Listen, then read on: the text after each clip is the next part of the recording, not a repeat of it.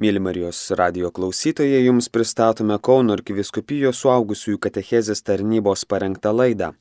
Kalba docentas dr. Artūras Lukaševičius tema Švenčiausiai į trejybę.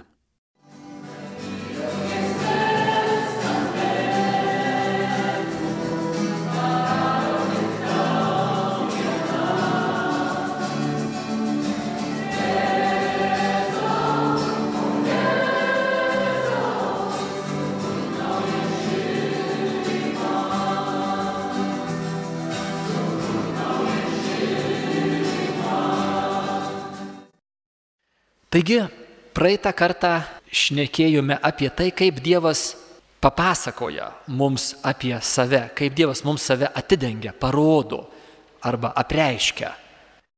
Ir prisimenate dar prieš savaitę kalbėjome apie tai, kaip žmogus atsiliepia į tą Dievo apreiškimą, į tą Dievo savęs parodymą. Dievas apreiškia, o žmogus į tai atsiliepia tikėjimu. Tikėjimas yra tas žmogaus atliepas į Dievą, kuris nori draugauti, kuris ateina pas žmogų ir parodo save tam, kad galėtų žmogus ir Dievas draugauti, kad galėtų būti bendrystė, komunijo. Svarbiausias žodis. Ir, ir tada, jeigu prisimenate, truputį nagrinėjome katalikų bažnyčios katekizme esančią apibrėžimo savoką. Tikėti tai reiškia, pirmia, visų pirma, tikėjimas yra ryšys su Dievu ir tada iš to ryšio plaukiantis pritarimas visai Dievo apreikštai tiesai. Viskam tam, ką Dievas apie save ir apie pasaulį ir apie žmogų papasakoja. Pirmiausiai, tikėjimas yra ryšys su Dievu. Draugystė. Ir tada kadangi yra ta draugystė, aš pritariu viskam, ką Dievas apie save ir apie visą kitą papasakoja. Praeitą kartą buvo tas pasakojimas apie lynų vaikščiantį akrobatą su karučiu. Prisimenat ir tada, reiškia, štai kas yra tikėjimas. Yra tikėjimas ne tik tai teoriškai sakyti, aš tikiu, kad tu gali su tuo karučiu ir dar su žmogumi tam karutyje pereiti virš negaros krioklio, bet uh, įlipti į tą karutį. Tai čia vat, yra tikėjimas ir be abejo kiekvienam iš mūsų e, tai yra iššūkis. Nes puolęs žmogus nori gyvenimo vairą laikyti savo rankose, o įlipti į kito valdomą karutį yra labai didelis kontrolės praradimas, nes tu negali nieko padaryti. Tai dabar mes pradedame ir mūsų katechumenato beveik visa likusi dalis bus skirta antrajai tikėjimo daliai.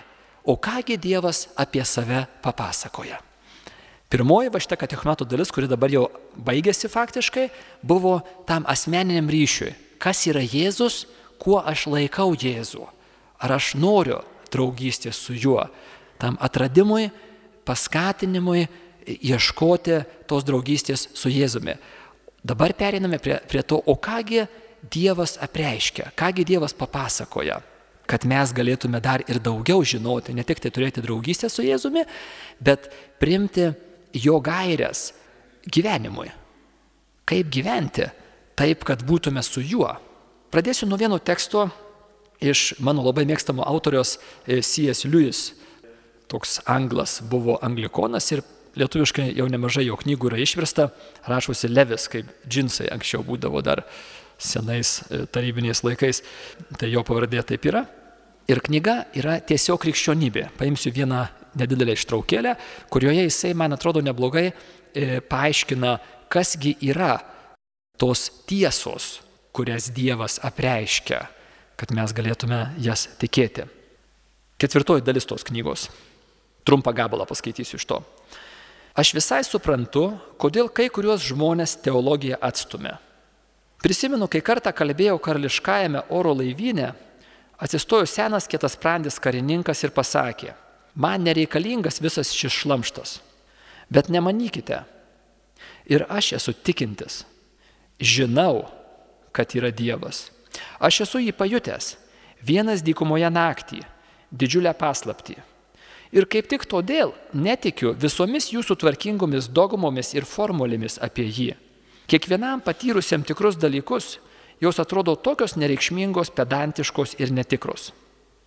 Tad štai, tam tikrą prasme aš pritariu tam vyrui. Manau, kad dykumoje jis tikrai patyrė Dievą.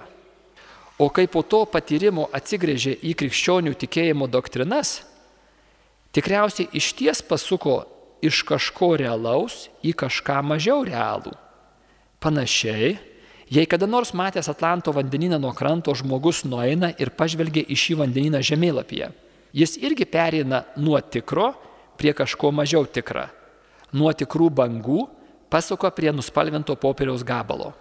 Bet čia prieiname prie esmės. Žinoma, žemėlapis tai yra paspalvintas popierius. Bet yra du su juo susiję dalykai, kuriuos reikia prisiminti.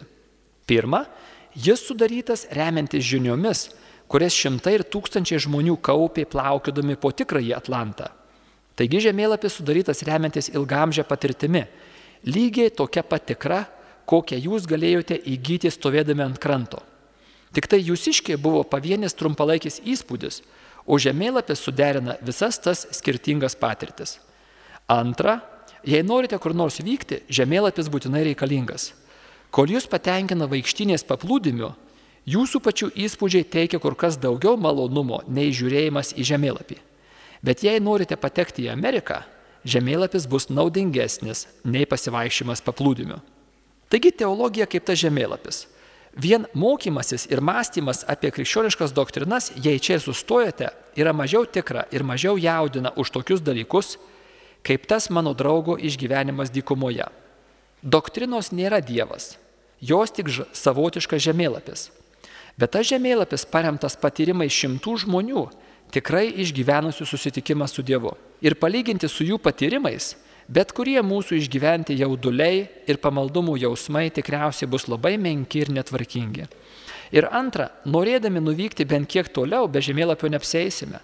Matote, tai, kas atsitiko tam žmogui dykumoje, galbūt buvo tikra ir neabejotinai jį sujaudino, bet tuo viskas ir baigėsi. Tai niekur neveda. Iš tikrųjų, kaip tik todėl miglota religija visi Dievo jutimai gamtoje ir panašiai tokia patraukli. Ji tik jaudulys ir jokio darbo, tarsi bangų stebėjimas nuo paplūdimio. Bet jūs šitaip tyrinėdami Atlantą nepateksite į Ameriką, kaip ir nelaimėsite amžinojo gyvenimo vien tik jausdami Dievo buvimą gėlėse ar muzikoje. Taip pat niekur nepateksite, nepateksite vien žiūrėdami į žemėlapius, bet neplaukdami jūron. Ir nebūsite labai saugus, jei plauksite jūron be žemėlapio. Tai štai tikėjimo tiesos, prie kurių mes dabar ir periname, yra tas žemėlapis. Tai yra didžiojo lobyno, kurį Dievas mums perdavė, kurį Dievas pats sudarė, papasakojo, kas jis yra, kas yra žmogus, kas yra pasaulis, kaip žmogus turėtų pagal kurėjo valią gyventi tame pasaulyje. Tai čia ir yra tas didysis žemėlapis. Ir štai katechumenato tikslas yra ne tik tai pateikti jums žinių, žinios yra gana lengvas dalykas. Šiandien literatūros turime pakankamai ir atsiversti gerų knygų yra, štai ir jūs nemaža dalis įsigijote ir jaunimo katekizmą ir kitas knygas ir paimi ir persiskaitai. Bet tai gali likti tik tai teorija. Tam, kad tai taptų patirtimi, reikia ir žinių, ir tada darimo, gyvenimo pagal tai. Reikia maldos, ir e, daugybės kitų dalykų. Tai štai katechumenate bandysime tą kompleksą visą turėti kartu. Šiandien mano tema yra Dievas švenčiausioji trejybė. Pradedam nuo vienos iš pačių svarbiausių, e, didingiausių tikėjimo tiesų. Dievas yra švenčiausioji trejybė. Yra vienas Dievas trijuose asmenyse. Dievas tėvas, Dievas sūnus ir Dievas šventoji dvasia. Štai kaip skamba ta tikėjimo tiesa. Dievas, kuris yra anapusinis, transcendentinis Dievas, yra be galo viršijantis kūrinius. Ir bet koks kūrinys yra per menkas suprasti Dievą. Ir štai va šito vietoje mes susidurime su ta tikėjimo tiesa, tikriausia žodžio prasme tikėjimo tiesa. Jeigu Dievas mums būtų šito nepreiškęs arba nepapasakojęs, mes to niekada negalėtume suprasti patys. Iki to, iki to patys prieiti mes nepajėgtume, tai yra per daug mums. Dievo trejybiškumas be galo viršė mūsų gebėjimus. Ką tai reiškia? Dievas yra trejybė, trys asmenys - tėvas, sūnus ir šventoji dvasia. Pirmiausia, tai reiškia, kad Dievas nėra besmenis. Dievas nėra tam tikra energija. Kokia tai kosminė energija, gyvybės energija, kuriančioji energija. E, tai yra svarbu, nes žmonės e, šiandien visai nemažai, bandydami pasigerinti vaikystėje gautas menkas e, katekizmo žinias, pasiskaito įvairios literatūros, dažnai ta literatūra būna gana neaukšto lygio ir pasipildo tas žinias. Ir štai vienas iš tokių supratimų, kurie šiandien populiarūs, yra Dievas yra tam tikra energija. Bet, nu, ką jau ten tėvas, sūnus ir šventoji dvasia. Ne, ne, ne, čia yra netobula, čia yra primityvu, vaikiška, Dievas yra kažkas tai kito. Tai ne, Dievas nėra energija. Ir dabar pagalvokite, ką reiškia žodis Dievas yra asmuo, tiksliau trys asmenys Dievas yra. Ką reiškia būti asmeniu? Asmuo. Kas yra asmuo? Prisimenat, asmuo, tam, kad būtų asmuo, kažkas turi turėti tam tikras savybės. Ir va iš tų savybių, kurių reikia, kad kažkas būtų asmuo, kūno nereikia. Nes mes žinome asmenis, kurie kūno neturi. Angelai. Angelas kūno neturi, bet yra asmuo. Tam, kad būtų asmuo, jis turi būti protingas ir gebėti pats save apspręsti. Tai reiškia turėti laisvę, laisvą valią, pats pasirinkti. Taigi, samoningumas ir laisvė yra dvi pagrindinės asmens savybės. Jeigu kokia tai būtybė turi samoningumą, turi protą ir turi laisvą valią, gali pats save apspręsti, tai yra asmuo. Tai štai Dievas yra asmuo, turi protą ir ne bet kokį, bet, bet mūsų protingumas yra tik tai nedidelis dalyvavimas jo begalinėme protingume. Ir Dievas, kuris yra pati laisvė, mūsų laisvė yra nedidelis dalyvavimas, ribotas dalyvavimas jo begalinėje laisvėje. Dievas yra asmuo. Ir toliau Dievas yra ne tik tai asmuo, jis yra asmenų bendruomenė, bendrystė, komunija, vėl tas pats žodis. Trys asmenys yra begalinėje meilės bendrystėje. Dievas nėra vienišas. Ir štai, kai kalbame apie žmogų, kuris sukurtas į Dievo paveikslą ir panašumą, vienas iš mūsų panašumo aspektų yra šitas mūsų bendruomeninė arba socialinė prigimtis. Žmogus yra socialinė būtybė, e, sako sociologai. Tikrai taip. Iš kur tai kyla? Ogi iš to, kad Dievas yra bendruomenė. Mes esame sukurti pagal Dievo paveikslą ir mūsų laimė yra bendrystėje. Mūsų laimė nėra niekur kitur, tik tai toje intimioje, gilioje bendrystėje su kitu, su kitu asmeniu. Tos bendrystės mes mokomės šioje žemėje per bendravimą su artimaisiais, šeima, sutoktiniai, tėvai, vaikai, maldos grupė ir panašus būdai, kur mes mokomės. Ir dangus yra nekas kitas kaip to bendruomeniškumo maksimalus išsipildymas. Dangaus laimė yra tos bendrystės, to buvimo, artimoj draugystės su kitu asmeniu, ekstatinis džiaugsmas. Tai yra žmogaus laimė. Dievas yra vienas, bet trijuose asmenyse. Ne trys dievai. Vienas dievas, trys asmenys. Kaip tai yra, nežinau. Mums pasakė, mums apreiškė, mums papasakojo, kad taip yra. Bet mano žmogiškas protelis šitoje vietoje, kai kompiuteris, žinot, užlūšta, jisai nepaėgė pavežti tokios. Nu, tai tada sakykite tiesiai, yra trys dievai. Ne, ne trys dievai. Dievas yra vienas, bet trijose asmenyse. O kiekvienas iš tų trijų asmenų yra ne trečdaliukas Dievo, gabalėlis Dievo. Kiekvienas iš jų yra tikras, pilnas, visiškas Dievas. Bet ne trys Dievai. Na va, ir čia susidurime su slėpiniu. Slėpinys yra tai, kas viršyje mūsų proto gebėjimą suprasti. Mes suprantame šiek tiek, bet ne iki galo. Panašiai kaip temstant vakare prieblandoje mes matome, kad ateina žmogus, Arba eina žmogus, bet mes neįžiūrime jo veido, nepažįstame jo. Tai, taigi mes kažką žinome, bet daug ko nežinome. Tai štai Dievo trejybiškumas yra mums apreikšta, mums papasakojo. Ir dabar mes tam, kad tuo tikėtume, kad gebėtume tikrai tuo tikėti, reikia labai pasitikėti tuo, kuris papasakojo. Prisimenat, tikėjimas yra pirmiausiai žmogaus ryšys su Dievu. Ir tada iš to ryšio kylantis prieimimas visko, ką Dievas apreiškė, ką Dievas perdavė. Tai štai sutrejybė yra taip, logiškai to išvesti negalime. Nei iš gamtos, nei iš gamtamokslio, nei iš kitų filosofinių ar, ar psichologinių įžvalgų mes to išvesti negalime. Tai yra mums apreikštas slėpinys. Taigi Dievas, kuris egzistuoja neribojamas erdvės ir laiko, taip pat būdamas transcendentinis, jis yra ir imanentinis, jis yra visur, visur Dievas yra, nematomas, visažinantis, visagalis, Dievas yra dvasia. Ir štai jisai yra trejybė, trys asmenys - Dievas tėvas, Dievas sūnus, Dievas šventoji dvasia. Dievas tėvas Dabar truputį kalbėsiu apie santykius tarp tų trijų asmenų. Dievas tėvas anapus viso laiko, anapus erdvės, nelaikia ir nerdvėje, erdvė ir laikas yra kūriniai, jisai gimdo savo sūnų. Truputį keista, nes mes esame įpratę, kad mamos gimdo vaikus.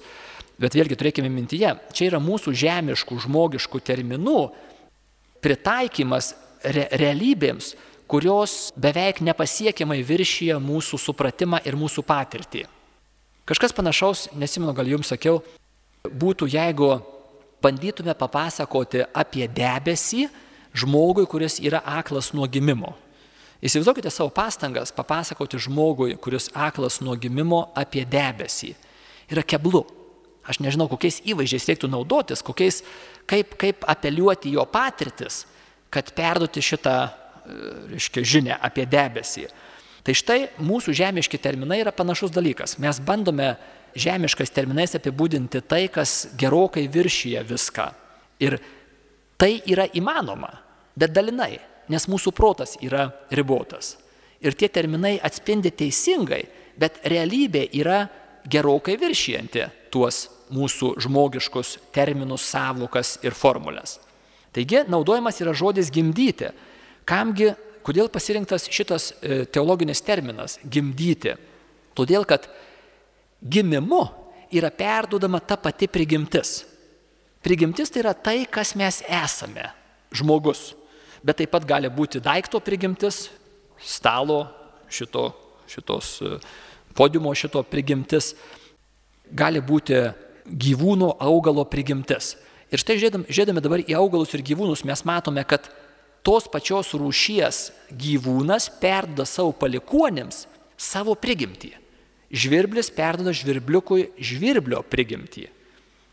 Ažuolas per gilę naujam ažuolui perdoda ažuolo prigimtį, ne kokią nors kitą prigimtį. Tai štai žodis gimdyti yra pasirinktas tam, kad pabrėžti tai, jog tai, kas gimė, tėvas gimdo sūnų. Jie yra tos pačios prigimties. Sūnus irgi yra tikras Dievas. Ir sekantį kartą nagrinėsime tikėjimo išpažinimus du ir matysime, kaip tai plėtojama toliau. Ta pati prigimtis. Tėvas yra Dievas ir sūnus yra Dievas. Tėvas yra švenčiausios trejybės pirmasis asmuo, sūnus yra švenčiausios trejybės antrasis asmuo. Tas gimdymas, tas gimimas sūnaus iš tėvo yra vykstantis nelaike. Už tai ir tėvas, ir sūnus yra e, begaliniai. Visais, visais požiūriais begaliniai. Niekada nebuvo taip, kad nebuvo sūnaus. Tėvas gimdo sūnų, bet tai yra nelaike, taigi ir tėvas, ir sūnus abu yra amžini, nesukurti, tikras Dievas. Sūnus yra nesukurtas tėvo atvaizdas. Sūnus yra nesukurtas, reiškia, tėvo atvaizdas, tėvo žodis, per kurį tėvas papasakoja apie save. Sūnus yra pilnai Dievas, lygus su tėvu. Ir va dabar buvo geras klausimas, reiškia, o ar sūnus yra e, ne Jėzus Kristus kartais? Taip, tikrai taip. Ir štai kaip tai atsitinka. Švenčiausios trybės antrasis asmuo, Dievas sūnus, egzistuojantis nelaike ir nerdvėje, tam tikru istorijos momentu ateina į šią žemę ir tampa žmogumi, prisėima žmogišką prigimtį. Jisai gimsta kaip žmogus, kaip kūdikis ir tampa Jėzumi Kristumi, Jėzumi iš Nazareto. Ir Jėzus yra tikras Dievas ir tikras žmogus. Jisai dievišką prigimtį turi iš tėvo ir žmogišką prigimtį turi iš savo mamos, iš Marijos. Ir štai šitame žmoguje, Jėzuje Kristuje, yra dvi prigimtys suvienytos viename dieviškajame asmenyje. Prisimenat Beno Ulevičiaus mokymą, kaip Jėzus yra tas tarpininkas. Ir, ir paskui jo, jo labai vaizdingi įsireiškimai, kiti, kaip, reiškia, jisai priklauso dviem pasauliam. Ir už tai mes galime per jį, kaip per tarpininką, susisiekti su tuo pasauliu, kuris yra visiškai mums neprieinamas. Taigi antrasis švenčiausio teibės asmuo, Dievas sūnus, ateina į šį pasaulį, tai yra į laiką ir į erdvę ir tampa žmogumi. Likdamas tikras Dievas, jisai prisėma antrą prigimtį, žmogaus prigimtį ir tampa žmogumi. Kam jis tą padaro? Daug priežasčių yra. Viena iš priežasčių yra Dievas įsikūnyje, kad mums labiausiai primtinų būdų papasakotų, kas jis toks yra. Už tai Jėzus Kristus yra Dievo apreiškimo pilnatvė. Jėzuje Kristuje Dievas save apreiškia pačia pilniausia forma. Dievas atitraukia tą užuolaidą ir parodo, kas jis yra pačia pilniausia forma. Iš tobulos tėvų ir sunaus meilės ir vienybės kyla trečiasis švenčiausios trybės asmuo - šventoji dvasia. Švento, švenčiausioji trejybė - tėvas, sunus ir šventoji dvasia. Iš tėvų ir sunaus meilės kyla trečiasis asmuo - šventoji dvasia. Jinai irgi yra nesukurta, jinai yra irgi tos pačios dieviškos prigimties. Šventoji dvasia yra tikras Dievas, trečiasis švenčiausios trejybės asmuo, lygus su tėvu ir sūnumi. Dievas yra meilė, anetas Nau testamento raktinis revoliucinis apreiškimas. Ir žmogus, kuris sukurtas į Dievo paveikslą ir panašumą, žmogaus laimė irgi yra meilėje. Tai yra tam tikroj ypatingoj bendrystės formoje - meilėje. Trys asmenys myli vienas kitą ir viskas, ką Dievas daro, kyla tik iš meilės. Šitą pagalvokit, reiškia, vėlgi per tuos ateinančius katechomenato mėnesius pasvarstykit. Daug šnekėsim apie Dievą. Viską, ką Dievas davė, darė ir kas yra aprašyta šventajame rašte, viskas, ką Dieva da, Dievas daro mano gyvenime, kyla iš vienos vienintelės priežasties - iš meilės. Dievas negali veikti kitaip, kaip tik tai iš meilės, nes jis yra meilė. Trejybė, švenčiausioji trejybė visada veikia kartu. Tačiau mes taip tradiciškai paryškiname labiau tėvo veikimą sukūrime. Už tai mes labiau siejame tėvą su sukūrimo slėpiniu. Sūnaus arba antrojo asmens veikimą labiau matome atpirkime. Už tai Jėzus yra atpirkėjas. E, šventoji dvasia yra pašventintoja, palaikytoja, skatintoja mus eiti pas Dievą. Bet iš tikrųjų ir sukūrime, ir atpirkime, ir pašventinime veikia visa švenčiausioji trejybė. Tai štai šitoj vietoje tada padarysiu pauzę aš ir mes turėsime vieną nedidelį tokį intarpėlį. Mums e, Rūtelė su Dalium Ramanausku padarys tokį eskizą. Ateikit, Daliau ir Rūta. Čia bus, čia bus pokalbis, kalbasi du dvyniai. Kai kurie iš jūsų žinote šitą, tai nesakykite kitiem. Kalbasi du dvyniai dar negimę motinos iščiose. Va, ir ką jie kalbasi, siekite su tuo, ką mes girdime apie tikėjimo tiesas. Kartais mums jos atrodo gana sunkiai. Čia, tu, turėsim atskiras.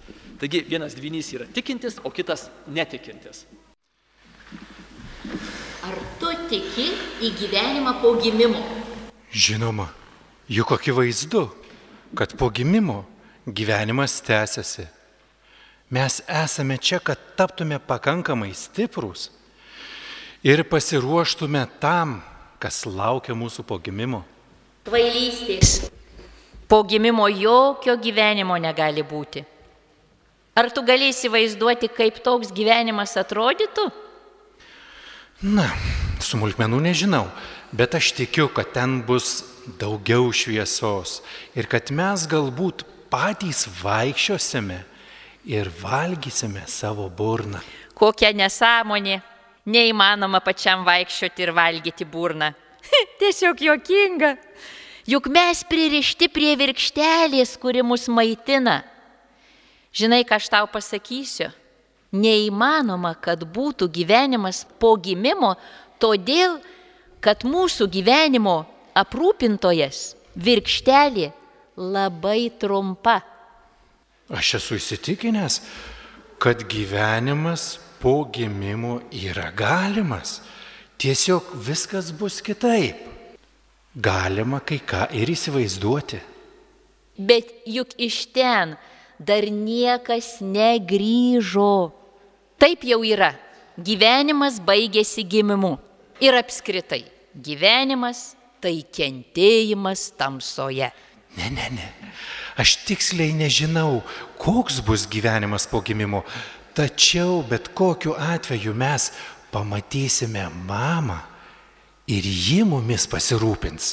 Mama? Tu tiki į mamą? Ir kurgi ji yra? Ji yra apie mus, ji visur, mes joje esame ir dėka jos judame ir gyvename. Be jos mes tiesiog negalėtume gyventi. Visiška nesąmonė. Aš nemačiau jokios mamos, todėl akivaizdu, kad jos nėra. Nesutinku su tavimi. Tu tiesiog neįsiklausai. Juk kai viskas nutyla, galima išgirsti, kaip jie dainuoja ir pajusti, kaip jie glosto mūsų pasaulį. Aš tvirtai tikiu, kad tikrasis mūsų gyvenimas prasidės tik tai po gimimo. O tu? Dabar likusi dešimties minučių temelė, artimai susijusi su švenčiausia trejybė, yra kryžiaus ženklas, vadinamas liaudiškai žegnojimas. Kryžius. Pirmiausia, porą žodžių apie patį kryžių. Kas yra kryžius? Štai turime gražų didelį kryžių su nukryžiuotojo skulptūra.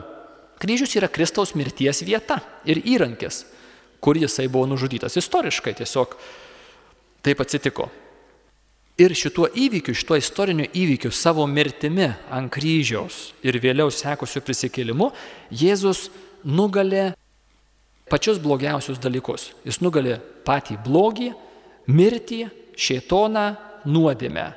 Todėl kryžius krikščioniui, tai yra Kristaus mokiniui, yra lemiamos kovos ir pergalės ženklas, simbolis. Kovos ir pergalės vieta Kristaus kryžius. Toliau krikščioniškojų tikėjimu mes žinome, kad Kristus šią pergalę mums padovanoja. Per krikštą, per mūsų tikėjimą mums ta pergalė yra dovanojama, kad jinai galėtų reikštis mūsų gyvenimuose, kad mes savo gyvenimuose galėtume nugalėti blogį. Jėzus mumyse nugali blogį. Todėl mums kryžiaus ženklas ir kai kurie žmonės nešiojasi kryželius arba žegnodamiesi, kas atsitinka, mums primena. Kryžius, kryžiaus ženklas, žegnojimasis mums primena du labai svarbius dalykus. Pirmas, kad kol gyvename, esame nuolatinėje kovoje kol gyvensime, kova nesibaigs iki pat mirties. Antras dalykas - pergalė jau laimėta. Kristus jau laimėjo pergalę ir mums tą pergalę padovanojo. Man reikia tik tai ją primti. Kaip vienas pranciškonas sakė, sako, reiškia, mes esame jau laimėjusioje komandoje. Mums tik reikia neišeiti iš žaidimo. Mums reikia ištrivoti žaidime, nepasitraukti iš, iš, iš tos komandos. Jau ta komanda nugalėjo. Jėzaus komanda jau nugalėjo. Dabar reikia mums tik tai išbūti. Taigi kryžiaus ženklas krikščionių yra kovos ir pergalės ženklas. Dvi labiausiai paplitusios kryžiaus ženklo formos yra jums žinomas žegnojimasis vardant Dievo tėvo kaktą liečiu ir sunaus e, krūtinę liečiu ir šventosios dvasios liečiu pečius. Amen. Žinomas paprastas kryžiaus ženklas, tai ko gero labiausiai paplitęs. Ir taip pat kai kada prieš Evangeliją šventose mišiuose e, mes naudojame E, kita kryžiaus ženklo forma, tai yra trys maži kryželiai ant kaktos, vardant Dievo tėvų ir Sūnaus šventosios dvasios amen, lūpas ir krūtinė. E, trys maži kryželiai, tai būtų kita dažnai naudojama, nu, taip pat naudojama daug rečiau, tačiau naudojama e, kryžiaus ženklo forma. Dabar žiūrėkite, šitoje vietoje mes ne tik tai prisimename lemiamą kovą ir jau laimėtą pergalę, darydami kryžiaus ženklą. Bet mes išpažįstame ir savo pačią centrinę tikėjimo tiesą, ant kurios stovi visos kitos tikėjimo tiesos. Tai yra tikėjimą švenčiausią trejybę. Kryžiaus ženklas arba liaudiškai žegnojimas sujungia savyje šituos du svarbiausiosius tikėjimo dalykus.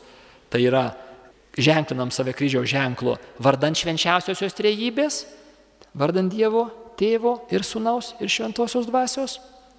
Amen ir taip pat prisimenu tą lemiamą kovą ir pergalę Kristaus jau laimėtą. Kitose religijose ir kultūrose yra naudojamas kryžiaus simbolis pakankamai plačiai, vienas iš tokių gana universalių simbolių. Ir jisai yra daug senesnis kitose kultūrose negu krikščionybėje. Ir krikščionys visai nesivaržydami ir nesidrovėdami prieima šį religinį simbolį ir padaro jį savo. Tikrai taip, Reiškia, krikščionybė perima daugybę dalykų iš kultūrų, iš kitų religijų. Jis padaro juos savai, suteikdama jiems savoją prasme. Ir kryžiaus ženklas yra vienas iš jų. Ta prasme kyla iš to, kas yra unikalu ir būdinga tik tai krikščionybei. Ir yra jos esmė bei centras būtent Jėzaus asmuo. E, krikščionybė yra įsitikinusi, kad Dievas per savo žodį, per sūnų veikia ir veikė visose pasaulio kultūrose ir netgi religijose. Ir už tai įvairiose pasaulio kultūrose ir religijose yra tai, ką krikščionybė vadina gėrių ir tiesos elementai, tam tikros teisingos geros įžvalgos ten esančios. Ir už tai krikščionys įsitikinę, kad tokiu būdu Dievas kitas religijas ir kultūras brandina ir veda link Kristaus. Mums nežinomais keliais ir nežinomų laiku tai įvyks, bet uh, tas toks krikščioniškas universalumas žvelgia pozityviai į kitas pasaulio religijas ir mato jas kaip judėjime į tą pilnatvę, kuri yra padovanota žmonijai Jėzuje Kristuje. Paskutiniai du tokie dalykai. Kryžiaus ženklas pačiam simbolėje yra tos dvi - yra e, vertikalė ir horizontalė. Ir galima vėlgi čia gilę teologinę prasme matyti, sujungia kryžius ir žmogų su Dievu, žemę su dangumi ir taip pat yra horizontalus e, e, lygmuo. Žmonės sujungiami tarpusavyje. Toks labai gražus santokos įvaizdis yra santoka, kuri sudaroma krikščionių dviejų, tai yra žmonių, kurie savo gyvenimo centre laiko Kristų, turi Kristų. Ir žiūrėkite, kas tada atsitinka. Jeigu du žmonės savo gyvenimo centre e, pastato Kristų, tai tada Kristus atsiranda jų abiejų gyvenimo centre. Ir judėdami link Kristaus, jie judės, du sutoktiniai judės vienas prie kito, artės tarpusavyje, horizontalusis tas lygmuo e, kryžiaus. Save ženklinimas kryžiaus ženklu yra malda. Žegnojimasis yra malda. Pirmas dalykas - viso tikėjimo santrauka. Kryžiaus ženklo švenčiausią trejybę išpažindami mes išpažįstame visą tikėjimą sutrauktą formą. Todėl turime daryti tą samoningai. E, negerai toks, žinote, kryžiaus ženklas kažką čia musę nu, nu, nuveju nuo, nuo, nuo, nuo to veido. Tai ne, ne, ne, čia ne taip. Turim daryti tą samoningai ir galvokime, ką darome. Reiškia, tai yra maldos forma, turim tą daryti. E, Maldoje turi dalyvauti visas žmogus.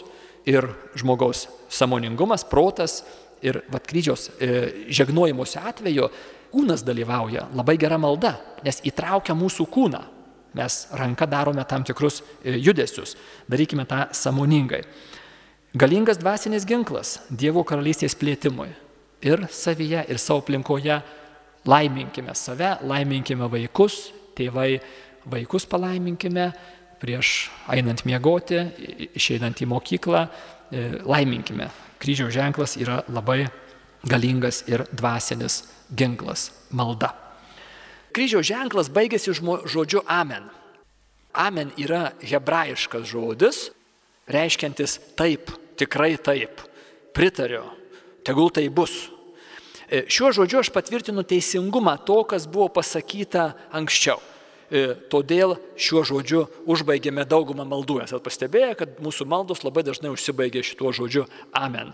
Ir kartu aš ne tik tai patvirtinu tai, ką e, pasakiau, bet aš ir išreiškiu įsipareigojimą dėti pastangas, kad tai būtų įgyvendinta, kas buvo pasakyta. Ir amen žodis dažnai yra neteisingai suprantamas, tokius du jokingus atvejus papasakosiu, abu jie yra realūs. Prieš jau nemažai metų aš pirkau automobilį ir buvo pamaldus vyresnio amžiaus žmogus, pardavęs man tą automobilį ir jisai jį pardavęs peržegnojo. Ir e, aš pasakiau amen. Ir tas žmogus, jisai, jisai ne, ne, ne, ne, ne, ne, amen. Va, ir toks, matote, kodėl jis taip su, su, reiškia, sunerimo, nes, nes pagal tokią populiarią sampratą amen tai reiškia jau amen tau.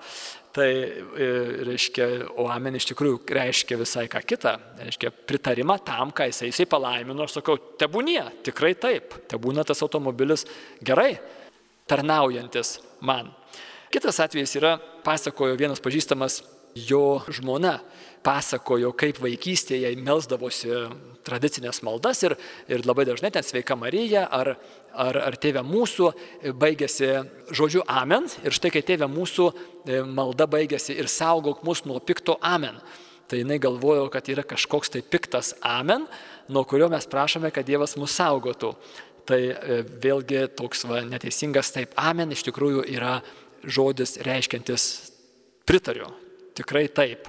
Ir tiek būtų apie šį žodį ir apie mūsų visą kryžiaus ženklą liaudiškai e, vadinamą žegnojimu. Tai ačiū už jūsų dėmesį. Oh.